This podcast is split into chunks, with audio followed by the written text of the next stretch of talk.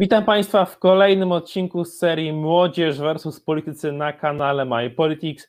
Z tej strony Mikołaj Dowejko, kłaniam się nisko, a dzisiaj przed nami kolejne starcie polskich młodzieżówek z polskimi postaciami politycznymi, choć po krótkiej przerwie, a dzisiaj moim i Państwa gościem będzie pan poseł Zbigniew Giżyński z Koła Poselskiego Polskie Sprawy. Dobry wieczór panie pośle. Dobry wieczór. Witam również przedstawicieli młodzieży, którzy dzisiaj staną do debaty z panem posłem, pana Mateusza Łukomskiego ze Stowarzyszenia dla Polski. Witam serdecznie.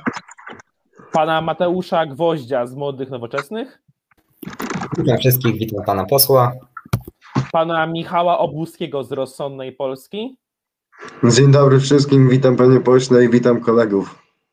Oraz, pana, oraz pana Krzysztofa Aryńskiego z Młodej Lewicy. Witam bardzo serdecznie. Panie pośle, pierwsze pytanie tradycyjnie od prowadzącego, a dotyczyć ono będzie ostatniego 40. posiedzenia Sejmu dziewiątej kadencji, głosowanie w sprawie podwyżek e, akcyz. Część posłów opozycji nieobecna na sali, część posłów opozycji wstrzymuje się od głosu. Pański krótki komentarz w tej sprawie. Czy myśli pan, e, też mamy doniesienia prasowe świeże z Onetu, iż wobec posłów koalicji obywatelskiej mają zostać wyciągnięte konsekwencje, czy, czy taka postawa posłów opozycji prognozuje dobrze na przyszłość, czy jednak jest to e, pewien brak powagi względem wyborców? Ja podczas tego głosowania i wcześniejszego zauważyłem, że zwykle jest tak. My mamy w tej chwili, jeżeli dobrze pamiętam, e, po stronie koalicji rządowej 233 posłów licząc wspólnie z e, tymi posłami, którzy są poza Prawem i Sprawiedliwością, niezależnymi lub e, z koła mm, Kukiza, którzy rząd popierają. Po drugiej stronie tych posłów jest 227 formalnie. E, I o ile, jeżeli chodzi o stronę rządową, to zwykle głosuje 231, nieraz 232, nieraz nawet wszyscy, pojedyncze się zdarzają przypadki, że kogoś nie ma. Po stronie e, opozycji to tak w najlepszym wypadku jest około 215. Bez względu czego sprawa dotyczy. Wyjątkiem, podkreślam, wyjątkiem była sprawa głosowania w sprawie TVN-u, to było 11 sierpnia, wtedy wszyscy po stronie opozycji byli, najwyraźniej bali się wtedy, że e, w TVN-ie będą ich za to jakoś tam specjalnie E, e, wytykać palcami i wtedy się zmobilizowali, choć był to środek wakacji i to rzeczywiście mogło powodować pewne kłopoty. No tak ta arytmetyka wygląda. Ja na tym bolewam. Staram się zawsze w głosowaniach wszystkich uczestniczyć. Jakieś są pojedyncze przypadki dosłownie, że e, w trakcie posiedzenia, gdzieś w jakiejś trzeciorzędnej nieraz sprawie zagapiłem się, gdy tych głosowań było wiele i jakieś mi uciekło. No ale co zrobić? No, każdy za siebie odpowiada. Tak na pewno nie powinno być, to troszeczkę e, pokazuje brak profesjonalizmu po stronie tych środowisk, które e, z brakiem tej frekwencji się borykają. Dziękuję bardzo, panie pośle. Myślę, że na razie tego tematu już będziemy drążyć i oddam głos przedstawicielom młodzieży. Jako pierwszy pytanie zada pan Mateusz Łukomski ze Stowarzyszenia dla Polski. Bardzo proszę. E, dziękuję bardzo. E, szanowny panie pośle, e, pan jakiś czas temu zarzucał prawu, Prawu i Sprawiedliwości dążenie do rządowi Zjednoczonej Prawicy, dążenie do socjalizmu. Ja chciałem zapytać, czy wykładowcy akademickiemu wypada opowiadać takie nonsensy, no bo przecież wszyscy wiemy doskonale, czym był czym był socjalizm, że opiera się między innymi na społecznej własności środków produkcji, więc to jest kompletnie nieprzystające do współczesnej rzeczywistości. No i też w kontekście tego, że przecież pan poseł bardzo często odwo odwołuje się e, do e, spuścizny marszałka Piłsudskiego, który też opowiadał się za zwiększoną interwencją państwa w gospodarce, więc to jest też pytanie, czy pan jest konsekwentny w tym, co mówi, że mm, jednocześnie odwołuje się do spuścizny marszałka Piłsudskiego, a jednocześnie atakuje za, za to, że rząd podejmuje jakieś działania e, związane z wdrażaniem pewnych programów, e, programów społecznych. Po pierwsze, marszałek Piłsudski e, powiedział taką słynną frazę, że wszyscy jechaliśmy socjalistycznym tramwajem, czerwonym tramwajem, ale on wysiadł na przystanku Niepodległość. E, i gdy e, jego towarzysze, bo tak się nazywali przecież we wcześniejszej walce socjalistycznej przyszli, aby po 1918 roku realizował e, program społeczny bardziej rewolucyjny niż to miało miejsce, powiedział, że od tego momentu mówimy sobie proszę pana i z tego typu radykalną wersją socjalizmu skończył. To tak, żeby wyjaśnić kwestię Józefa Piłsudskiego, który rzeczywiście uważam, że był politykiem wielkim. Ale tu pana jeszcze myślę, że rozczaruje. Ja uważam za wielkich polityków także tych, którzy się E, niekiedy posługiwali hasłami wyborczymi czy programami, pod którymi ja bym się nie podpisywał, bo mieli swoje osiągnięcia polityczne znaczące i e, tacy także są politykami socjalistycznymi, z którymi się nie zgadzam, jeżeli chodzi o ich wizję ekonomii. To pierwsza rzecz. Bo zupełnie co innego e, kwestie gospodarcze niekiedy, a zupełnie co innego na przykład sprawy międzynarodowe, troska o wojsko i inne obszary, które też są ważne. I trzeba polityka zwłaszcza takiego formatu, który kieruje całym krajem, jak Józef Piłsudski swego czasu, oceniać wieloformatowanie przez pryzmat jakiegoś wycinka jego działalności, z którym się można akurat nie zgadzać. Natomiast ponieważ e, pan mi zarzucił e, w pierwszym zdaniu, bo to drugie to rozumiem brak konsekwencji, mam nadzieję, że to wyjaśniłem. Jeżeli chodzi o tą, ten pierwszy pana zarzut, troszkę zbyt ostrych myślę, że słów tutaj pan użył, ale zostawmy to. E, powiem w ten sposób socjalizm jako system gospodarczy ma różne oblicze. Ja rozumiem, że najłatwiej to tak spuentować, że socjalizm to wszystko to, co było w PRL-u, komunizm, uspołecznienie środków produkcji i tak dalej, i tak. Tak, to prawda, ale to jest socjalizm e, połowy XX wieku. Natomiast dzisiaj ta wizja socjalizmu jest w różnej formule realizowana. Proszę sobie odwiedzić kraje skandynawskie. Tam panuje system w tym zakresie bardzo interwencyjny. Uważam, że nadmiernie interwencyjny. Uważam, że Polska nie powinna iść tą drogą, że to jest szkodliwe dla przedsiębiorczości i że e, ceniąc wszelkie programy społeczne, nawet dostrzegając ich plusy, trzeba uważać, aby nie przesadzić, bo to jest po prostu szkodliwe dla gospodarki długofalowo. Dziękuję bardzo panie pośle i adwosem nie do pana posła, lecz do pana Łukomskiego zgłosił pan Mateusz Gwóźdź. Bardzo proszę. E, tak jest. Ja chciałem tylko spytać tutaj pana Mateusza, e, ponieważ PiS stosuje takie e, strategie jak masowa redystrybucja, interwencje w gospodarkę, uzależnianie od państwa kolejnych gałęzi gospodarki, a na dodatek niszczenie polskiej demokracji i sianie propagandy. Dlatego moje pytanie, jeśli nie to, to czym charakteryzowałby się socjalizm, który PiS miałby wprowadzać? Hmm. E, szanowny Mateuszu, e, przede wszystkim zacznijmy od tego, że żeby wypowiadać się na jakichś e, pojęciach, to trzeba znać ich znaczenie. No, jeżeli ty tutaj używasz takiego twierdzenia, że ktoś tu niszczy demokrację, no przypominam ci, że w ostatnich wyborach prezydenckich do urn poszło ponad 10 milionów, znaczy przepraszam, ponad 20, 20 milionów ludzi. Ta frekwencja w poszczególnych wyborach rośnie z każdym dniem. E, grupy społeczne, jeśli chodzi o działania rządu Prawa i Sprawiedliwości, to Prawo i Sprawiedliwość po 2015 roku akurat spluralizowało przestrzeń publiczną, umożliwiło, że te grupy społeczne, które dotychczas były pomijane, marginalizowane, stosowano coś, co publicyści nazywają e, dyskursem wykluczenia, taką próbą e, odmawiania konserwatystom prawa do prawa głosu w debacie publicznej, więc ja akurat twierdzę, że Prawo i Sprawiedliwość umacnia demokrację. No, ty tutaj rzuciłeś tylko hasło, ale za tym tu nie można poszło. powoli stawiać kropkę, prosiłbym o ostatnie zdanie. Także jeżeli tu już jest jeszcze pan poseł, rozumiem, adwocem, także dwa zdania dla pana posła i przechodzimy do kolejnego pytania. Ja tylko chcę zachęcić nas wszystkich i w tej dyskusji, i w każdej innej, abyśmy sobie nie czynili zarzutów, że ktoś próbuje coś zniszczyć, bo bardzo będziemy się pewnie różnić i spierać o różnego rodzaju wizje i e, pewnie nie będę podzielał opinii e, w sprawach gospodarczych pana z lewicy. No, tak strzelam teraz, jeszcze nie, nie miał pan okazji się wypowiadać, ale mam dosyć liberalne podejście do gospodarki, ale nie przyszłoby mi do głowy sądzić, że pan chciałby źle. Myślę, że chce dobrze na swój sposób, którego ja nie podzielam. Jest taka piękna fraszka i ją zakończę z Jana Staudengera. Nie trzeba mieć zadrania tego, co jest innego zdania i e, tej zasady się trzymajmy. Tym w sumie można powiedzieć pozytywnym akcentem na razie stawiamy kropkę w tej dyskusji i e, Panie Mateuszu, Pan jeszcze będzie miał okazję się wypowiedzieć w tej turze spokojnie i daję e, głos Panu Michałowi Obłuskiemu z Rozsądnej Polski. Bardzo proszę. Bardzo dziękuję. Przepraszam, chwilę nie było mnie widać. Obawiałem się jakichś błędów technicznych. Panie pośle, e, tak jak kolega Łukomski wspominał wcześniej i wszyscy zresztą to wiemy, e, był pan w PiSie. Założył pan nowe koło parlamentarne Wybór Polska. Wybór Polska, co ciekawe, jest całkiem podobny do rozsądnej Polski, dlatego mam nadzieję, że po naszym dzisiejszym spotkaniu przyjdzie nam e, chwila wolnego czasu na to, żeby ze sobą porozmawiać, bo widzę po Pana działaniach, że jest Pan bardzo rozsądnym właśnie człowiekiem i, i Pana działania, przyznam, bardzo mi się podobają.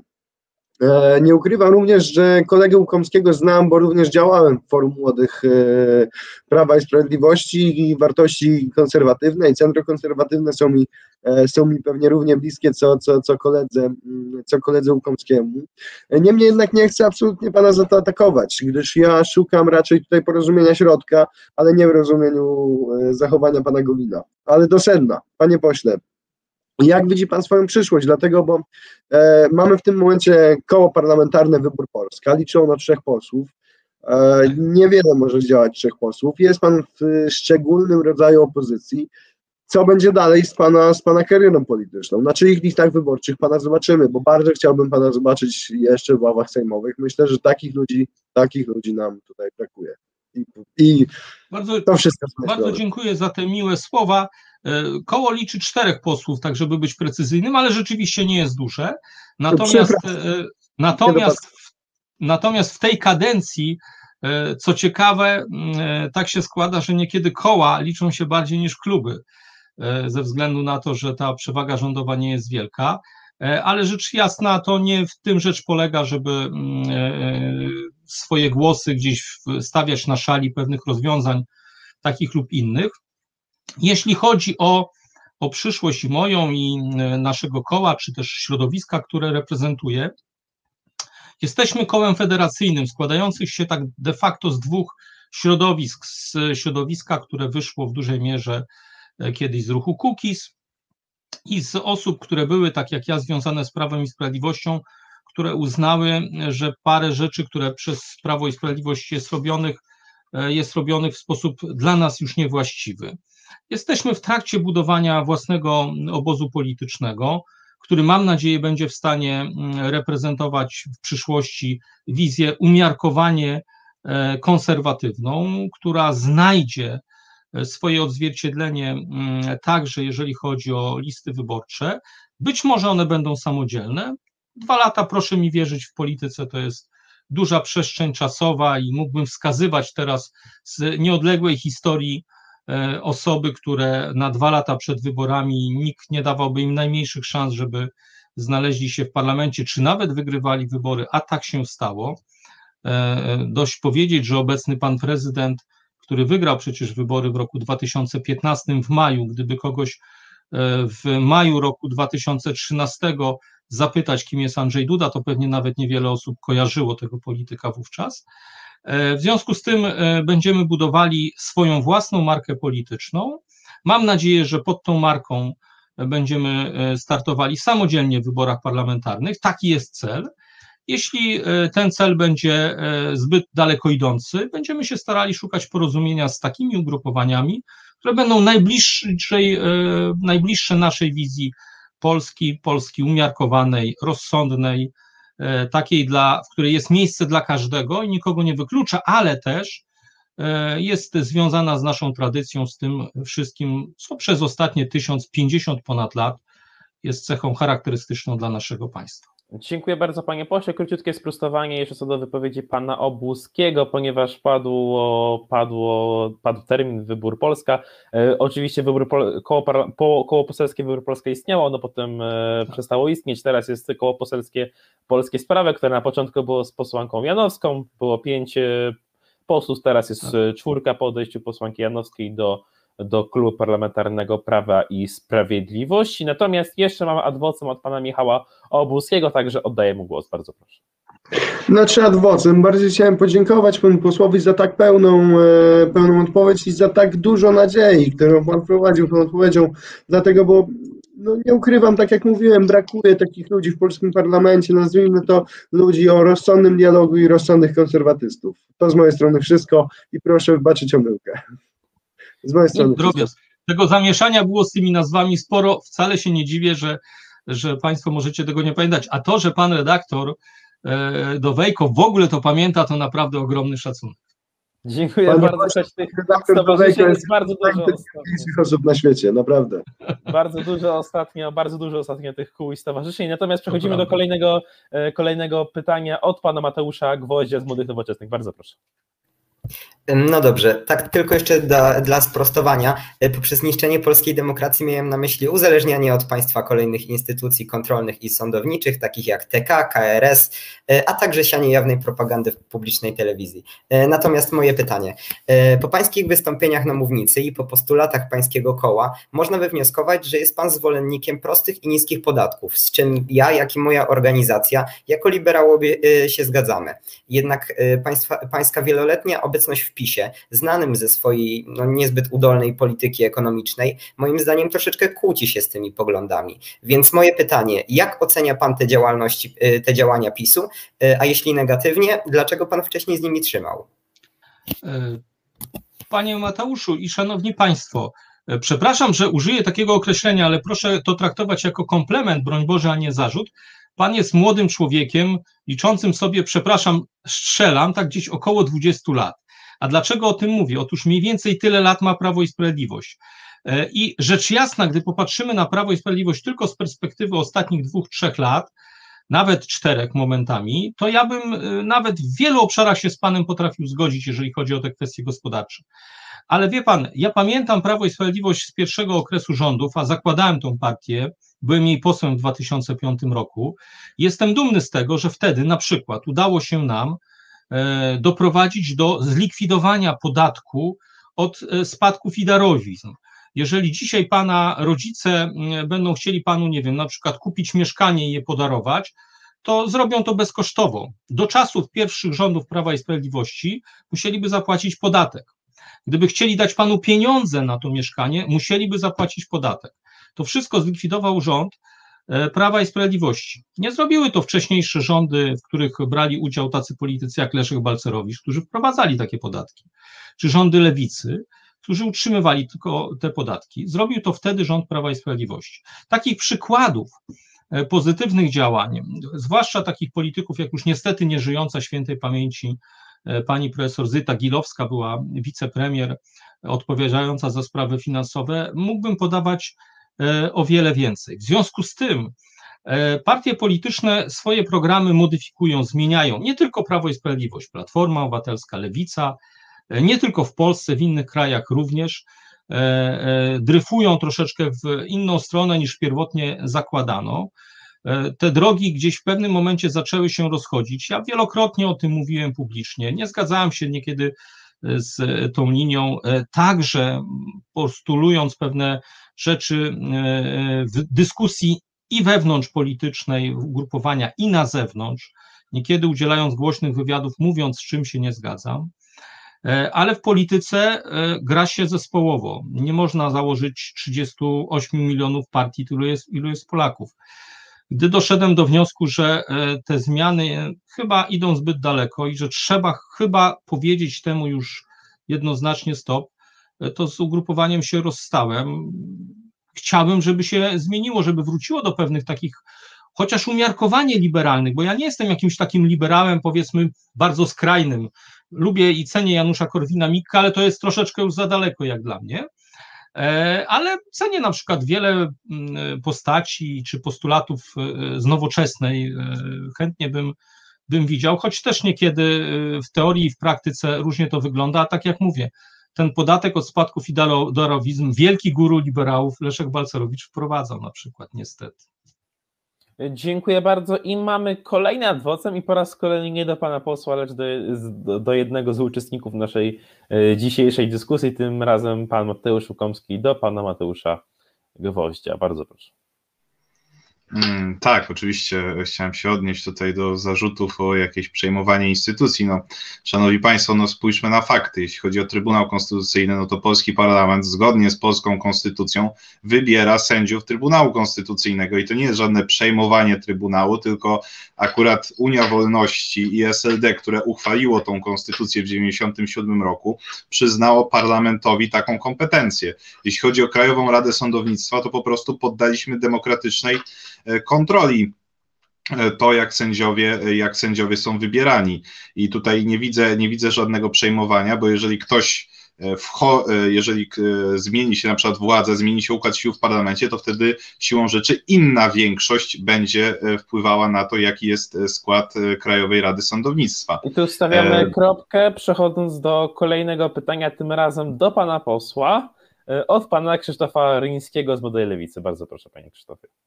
E, witam serdecznie, panie pośle. Miałam e, pytanie dotyczące e, klubu koła poselskiego, które powstało, kiedy pan odchodził z klubu PiSu.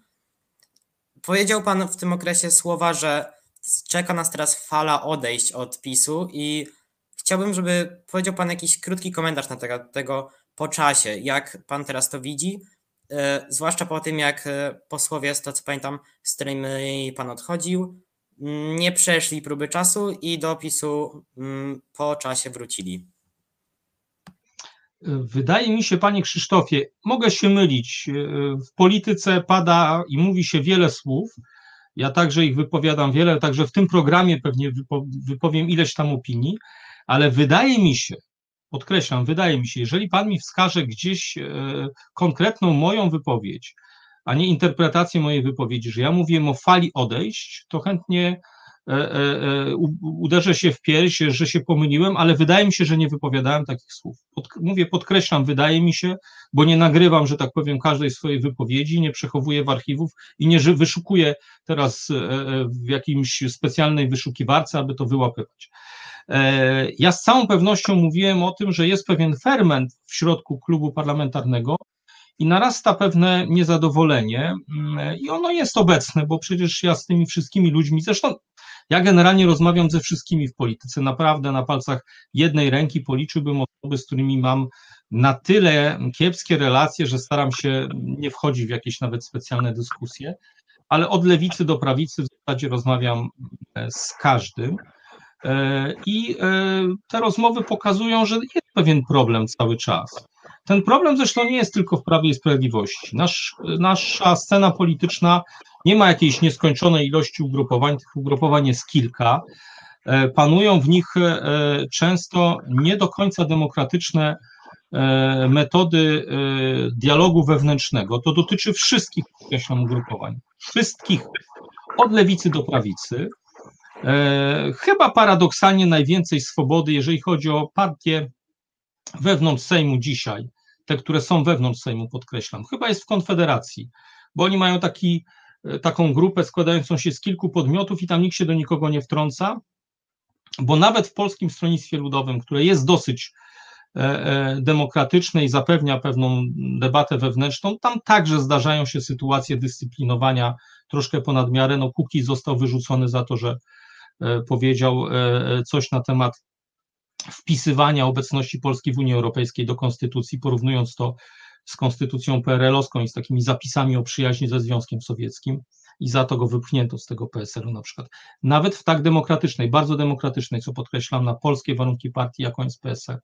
We wszystkich pozostałych panuje najdelikatniej rzecz ujmując system wodzowski, to znaczy co powie Jarosław Kaczyński, czy co powie e, Donald Tusk, E, to jest święte, czy, czy, czy co powie Włodzimierz Czarzasty, a tych niewygodnych się albo wyrzuca, albo zawiesza, albo w jakikolwiek sposób inny karze. E, niekiedy to jest naprawdę smutne. Ja nad tym ubolewam, bo to psuje naszą debatę e, publiczną. Jeżeli patrzę, jak pan Tomasz Siemoniak, bardzo poważny pan poseł i minister Tomasz Siemoniak, poważny człowiek, ponad 50-letni, były minister obrony narodowej, po tym jak poszedł na imprezę do pana Mazurka, pisze taki wpis na Facebooku, na pewno go doskonale pamiętacie, gdzie bije się w pierś, on tam z nikim nie pił alkoholu, z nikim z PiSu nie rozmawia, w ogóle nie wiedział, że ci z PiSu przyjdą i że bardzo żałuje, że poszedł i tak dalej, i tak dalej. I to robi facet, który, który naprawdę no, ma ponad 50 lat, jest dorosłym człowiekiem, pełni ważne funkcje, a, a tłumaczy się jak jakiś taki, nie wiem, no mój syn w liceum, jak gdzieś poszedł na imprezę, to nie musiał takich, że tak powiem, wyjaśnień do mnie na piśmie składać. E, dałem przykład z Platformy, ale mógłbym takich przykładów dać z każdego ugrupowania i z Prawa i Sprawiedliwości więcej. To naprawdę nie jest rzecz, e, e, rzecz dobra i to jest coś, na co narzekają posłowie, także w Prawie i Sprawiedliwości. Szanowni Państwo, z pierwszej tury możemy na pewno wywnioskować, że syn posła Gizińskiego w liceum miał luz, miał luz, ale przechodzimy już do drugiej, do drugiej miarę, tury w miarę. pytań w miarę, no, no, zdroworozsądkowo, tak jak e, tak. pan poseł przed chwilą nakreślił swoje poglądy. Ale przechodzimy do kolejnych e, pytań w ramach drugiej tury i pierwszy tym razem pytanie zada pan Mateusz e, Gwóźdź. Bardzo proszę. No to ja się może jeszcze raz odniosę do Mateusza. E, parlament powołuje sędziów TK, ale czy Pana zdaniem to parlament powinien decydować przez wpływ na nich, która ustawa jest zgodna z konstytucją, a która nie? No właśnie, a upolitycznienie decyzji TK obecnie jest faktem. E, natomiast e, pytanie do pana posła. Zagłosował pan za Polskim Ładem. Najpierw był pan skrajnie przeciw niemu, lecz potem po głosowaniu tłumaczył się pan, że na pana decyzję wpłynęła opinia pewnego pełnomocnika rządu. Czy podtrzymuje pan swoje stanowisko? Bo przecież wszyscy wiemy, ile Polska traci na tym programie. Pański głos wyglądał trochę jakby wziął się z całym szacunkiem, ale albo z braku dostępu do informacji, albo z może nie wiem, oportunizmu. Nie uważa pan, że to tak mogło wyglądać, biorąc pod uwagę to. Mhm. Oczywiście zawsze można politykowi zarzucić, że to jest pewien oportunizm i tu ma pan rację, to mogło tak wyglądać. Bez dwóch zdań. Natomiast rzeczywiście ja rozmawiałem przed tym głosowaniem z panem e, Adamem Abramowiczem, którego cenię, politykiem, który pełni funkcję pełnomocnika rządu do spraw małych i średnich przedsiębiorstw Zasiągałem jego opinii, bo ta ustawa, e, e, nad którą się na końcu głosuje w całości, bo jest cały szereg poprawek, za którymi głosujemy, jakieś wejdą, któreś nie wejdą, i na końcu trzeba powiedzieć tak lub nie. E, no, można się jeszcze wstrzymać ewentualnie. I tutaj z jednej strony leżało na tacy podniesienie kwoty wolnej od podatku z 8 do 30 tysięcy złotych podniesienie drugiego progu podatkowego z 85 do 120 tysięcy złotych. To są realne pieniądze, które zostają w kieszeni e, podatników, e, także mojej, bo także płacę podatki jako i wykładowca na uniwersytecie, i jako poseł. Z drugiej zaś strony, co zwłaszcza pomaga osobom troszkę mniej zarabiającym, bo to podniesienie kwoty wolnej, zwłaszcza dla emerytów, rzeczywiście E, e, powoduje, że ci, którzy mają emerytury do 2,5 tysiąca złotych, w ogóle nie płacą podatku. Moja mama należy do takich osób. Dam taki przykład pierwszy z brzega. E, podobnie moi teściowie i podobnie większość ogromna emerytów, których znam w ogóle.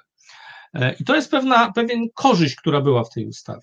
I były też zapisy złe, które od początku krytykowałem i które uważam, że źle że zostały w ogóle wprowadzone.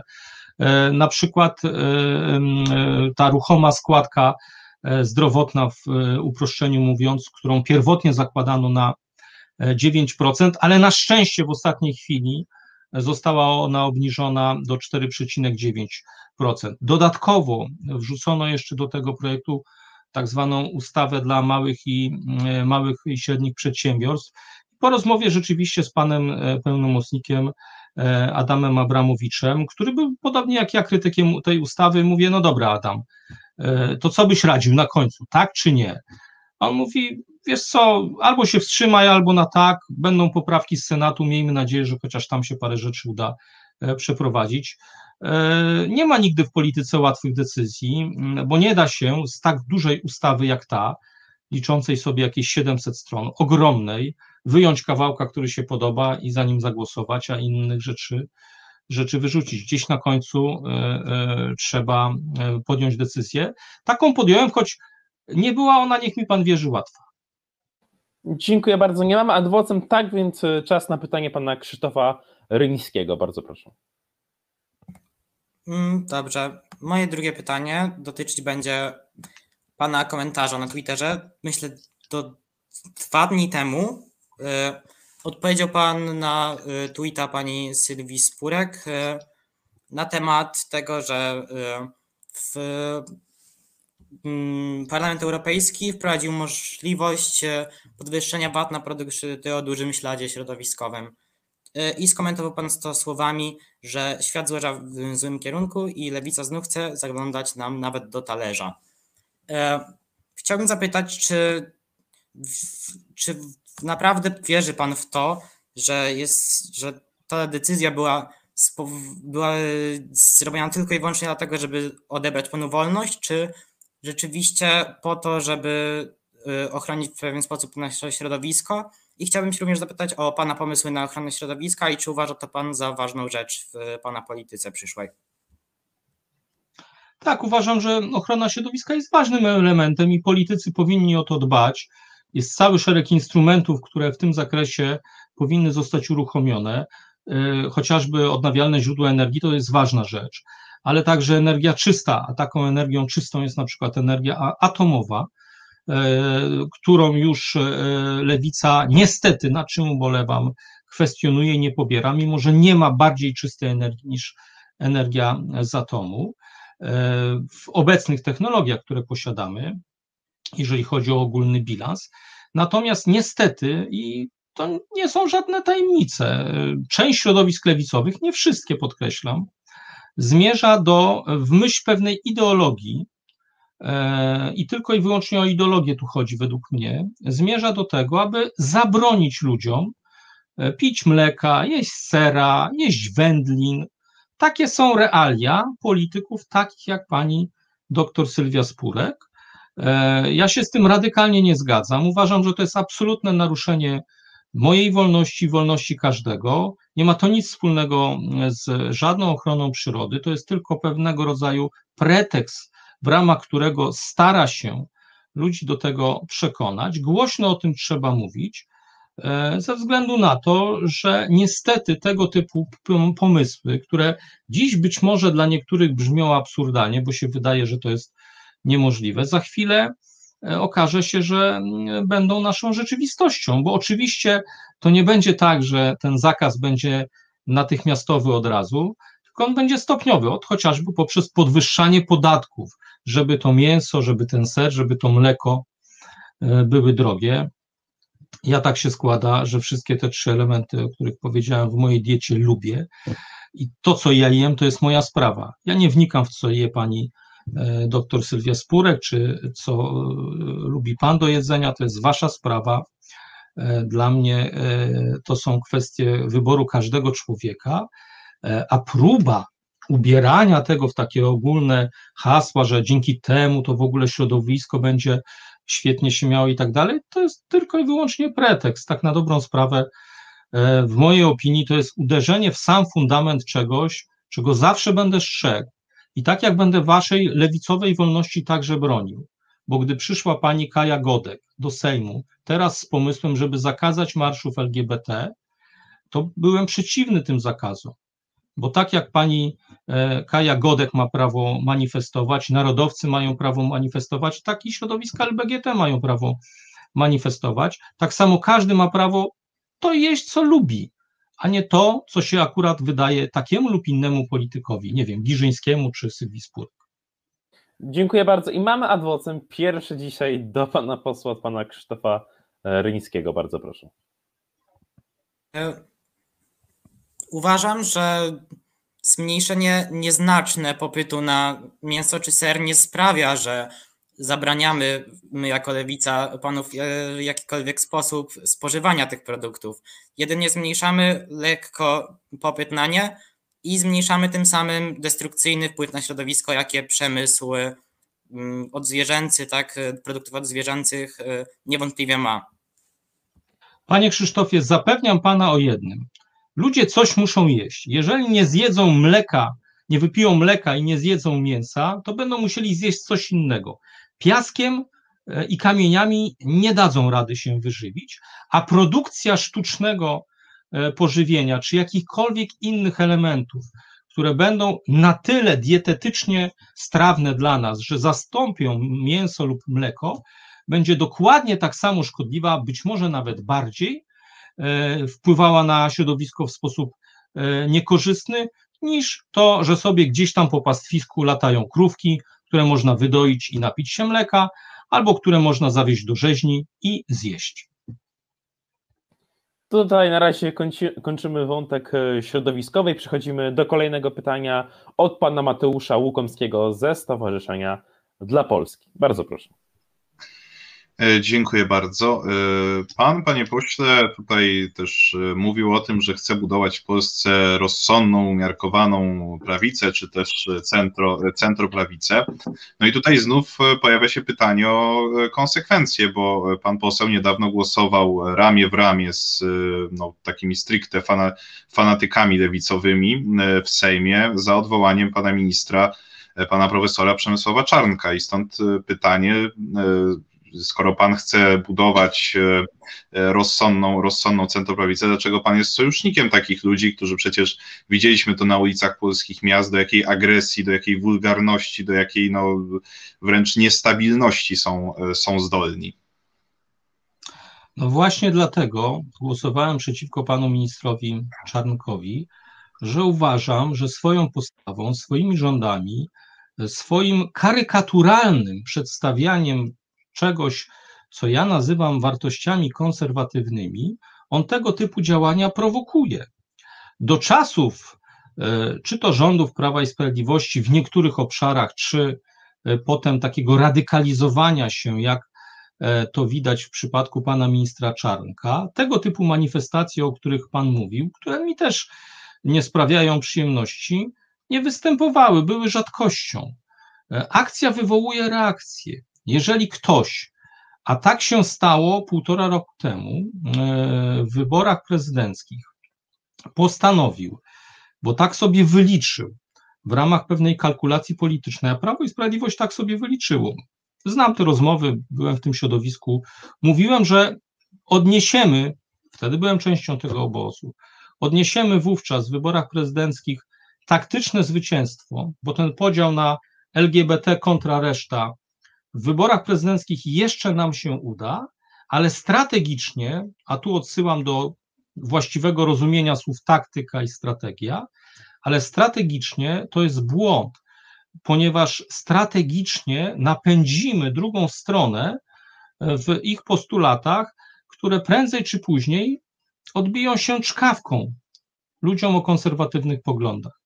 I tak uważałem wówczas i uważam, że nadal E, kroczenie taką właśnie drogą, drogą w drugą stronę radykalizmu, nadmiernego radykalizmu o charakterze, nazwijmy to quasi-konserwatywny. Mówię quasi-konserwatywny, bo to jest konserwatyzm tylko z nazwy, niestety, jest szkodliwe i będzie przynosiło odwrotny efekt. Jest takie piękne staropolskie powiedzenie, że dobrymi intencjami piekło jest wybrukowane. Tymi dobrymi intencjami dobrymi intencjami w cudzysłowie ministra Czanka, wybrukowane jest piekło naszej przyszłości, e, którą pozostawi w umysłach ta, ludzi takiego pokolenia, jakie wy reprezentujecie, nawet nie mojego. Wystarczy sobie popatrzeć na sympatie polityczne ludzi waszego pokolenia w stosunku do ugrupowań lewicowych i ugrupowań takich jak Prawo i Sprawiedliwość i odpowie niech sobie pan sam na pytanie, czy na to ja miałem wpływ, czy takie postawy jak minister Czarnek. Dziękuję bardzo i mam aż e, dwa adwocem. Pierwsze zgłoszone przez pana Michała Obłuskiego. Bardzo proszę.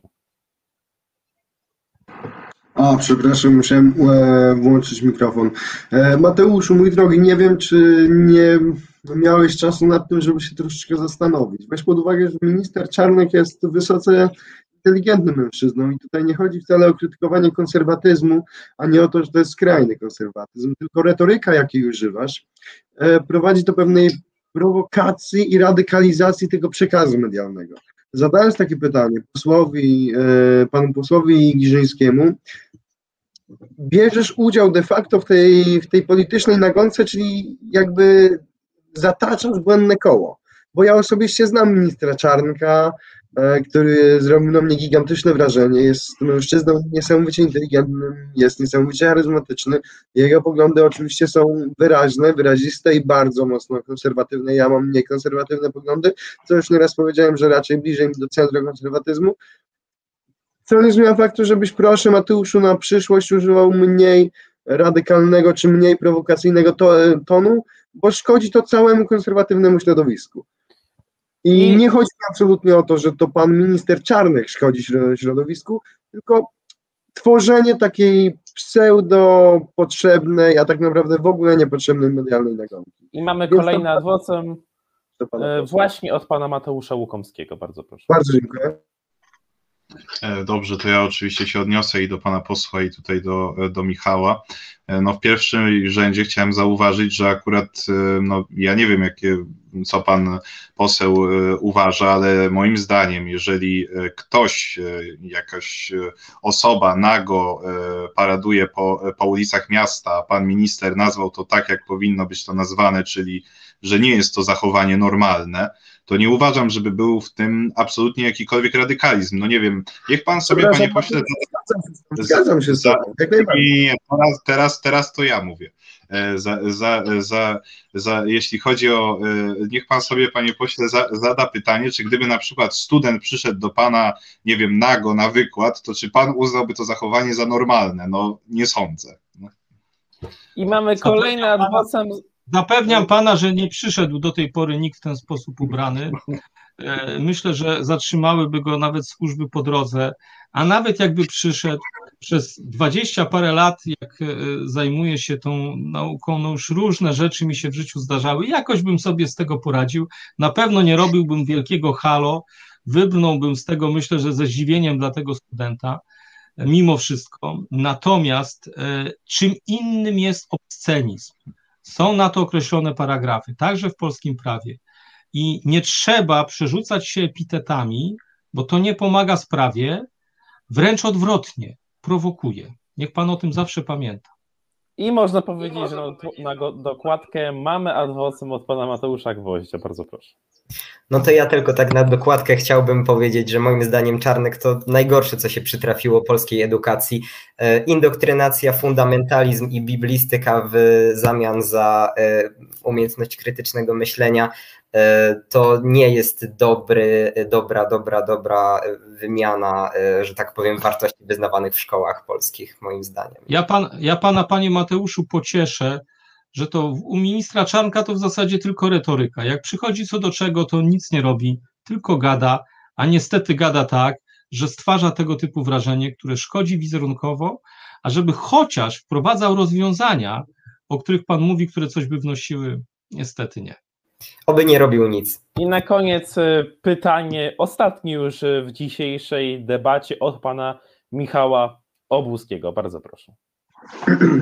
E, Panie pośle, po tej nazwijmy to burzliwej dyskusji o postaci pana ministra Czarnka, który jeszcze raz powtórzę, moim zdaniem jest naprawdę bardzo inteligentnym, charyzmatycznym mężczyzną, e, chciałbym przejść do takiej może przyjemniejszej, może nieprzyjemniejszej, wszystko zależy od pana, e, pytania, to znaczy chciałbym zapytać, jak pan ocenia obecną, obecną kondycję PiSu w kontekście, w kontekście potencjału wygrania następnych wyborów, E, biorąc pod uwagę powodzenie bądź niepowodzenie nowego polskiego nowego ładu, rosnącej niestety inflacji, projektu CPK, który trwa od paru ładnych lat, a niestety jeszcze nie widzimy tego, co, co, co cały czas gdzieś tam w mediach jest nam obiecane.